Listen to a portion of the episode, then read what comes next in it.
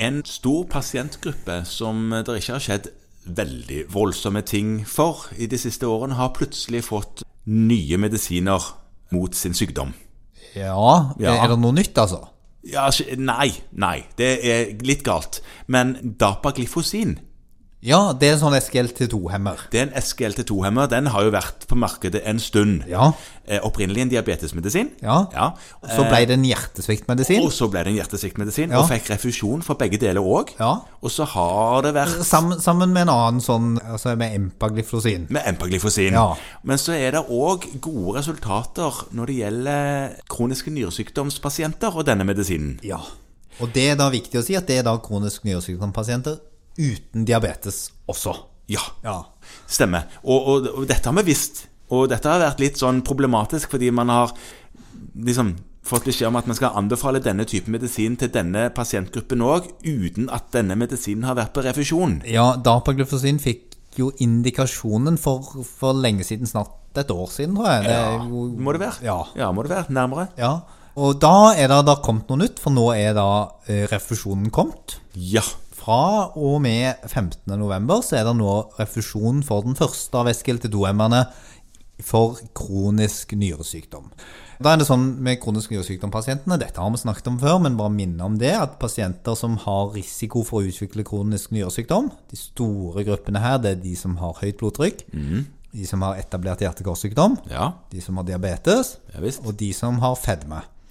Ja. Hvis man tar med seg de, så vil man finne enormt mange. Eh, litt dårlige epidemiologiske data, men mye tyder på at kanskje sånn mellom 10 og 12% av befolkningen over 18 har dette. ja, kanskje det. Så Og- mange. Og de bør da undersøkes med en EGFR. Ja, og den skal helst være over 60, da. Da har du i utgangspunktet ikke kronisk nyresykdom. Nei. Nei. Og så skal man også ta en UAKR, altså en urinalbumin-kreatinin-ratio. Som hvis du er frisk, skal være under tre. Under tre, ja. Og hvis begge to at Det holder med at en av de er gal for Ja. å ha kronisk nyresykdom. Ja. Det er viktig. Og så er det da sånn at de skal behandles først med livsstilsråd, levevaner, eh, trene, spise sunt og alt det der. Ja. Og så skal de Fordi at det som viser seg, og dette er, er ting vi nok kanskje ikke har visst godt nok. mm. Men, men det å ha en kronisk nyresykdom det er en ganske sterk risikofaktor isolert sett for å utvikle hjerte-karsykdom. Ja. Sånn at disse dør i stor grad før de får endestadig nyresykdom, som er på en måte det store risevågspeilet. Så får de andre ting. Men, men derfor så skal man behandle de med eh, optimal eh, kolesterolkontroll. Ja. Lav terskel for å gi de statiner. Ja. Og så bør man sterkt vurdere å gi de det som heter rasblokade. Ja. Eh, altså enten en ACE-hemmer eller- hemmer eller en A2-blokker. Men ja, selv om de eh, har normotensivt blodtrykk Ja, det kommer du nok til å få litt forskjellig svar på hvem du spør. Ja. Men nå vil nok onde tunger vil nok si at ganske mange av disse har ikke helt normalt blodtrykk, og blodtrykket bør uansett være ganske lavt til denne gruppen. Ja, så Bare så lenge du ikke svimler, så får du gi dem rasblokade. Mange kardiologer mener vel at blodtrykket kan ikke bli lavt nok så lenge de på en måte klarer å stå oppreist. Ja. Ja. Ok. Ja. Eh, og når du har gjort de tingene der, så anbefales det da å vurdere å legge til en SGLT2-hemmer. Det har vært vurdert lenge.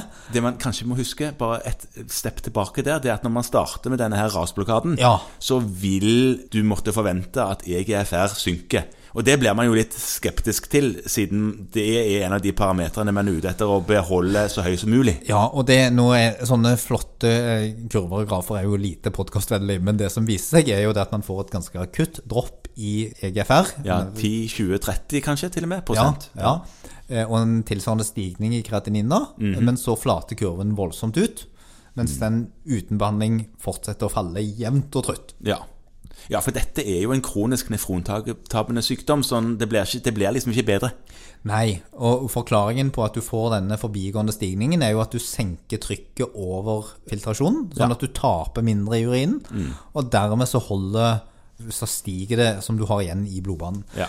Og det samme vil skje hvis du legger til den neste leddet på stigen, som da er en SGLT2-hemmer, og nå er det foreløpig én. Eh, Med refusjon, med refusjon. Og den har da noen vilkår med seg. De Ja. kan vi jo på en måte si noen ting om at det holder ikke på en måte at du bestemmer deg for at pasienten har kronisk nyresykdom. Du må i tillegg ha en EGFR mellom 25 og 75. Ja. Men 75, sier du? Var det ikke 60 du nettopp snakket om? Ja, fordi at du må i tillegg da, Aha. til å ha det, Ja. så må du ha en eh, UAKR over 20. Over 20, ja. Ja. Var ikke normalen under 3? Jo. Ja, så eh, da må så- du faktisk opp sånn litt, da. Ja, og det er rett og slett fordi at dette er nok eh, relativt likt det som de gjorde på i den store studien sin. Okay. Sånn at pasienter som har begge disse tingene, altså en EGFR mellom 25 og 75 og en eh, UAKR over 20, Ja. de kan man da legge til en SGLT2-hemmer på. Mhm. Og da vil man kunne se noe av de samme tingene, nemlig at eh, kreatinin stiger, EGFR synker. Men det som ofte òg skjer, som en veldig grei og fin ting, det er at UAKR faller. Ja. Eh, og da er det jo selvsagt ikke sånn at refusjonskriteriet forsvinner av den grunn. Nei. Nei. Eh, så det er på en måte den høyest målte UAKR-en i stabil fase som er interessant. Ja, Det er litt sånn som diabetesbehandling. Hvis du klarer å få kontroll på blodsukkeret, så får du ikke plutselig dratt vekk blodrefusjonen din. Nei, eller blodtrykksbehandling. Eller det. Nei. Eller hva så, som helst, og egentlig. Dette må man være forberedt på å fortsette med. Og så er det jo de samme bivirkningene fortsatt. Altså at man kan få sopp av denne medisinen, for den Mm. skiller jo ut sukker Ja, ja. nå også.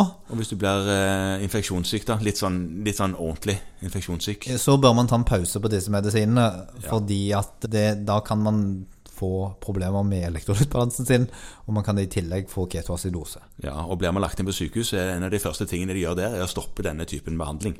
Det, det bør man gjøre, Ja. fordi at eh, alt som påvirker nyrefunksjonen, bør man være sterkt eh, forsiktig med når man har en akutt pågående sykdom.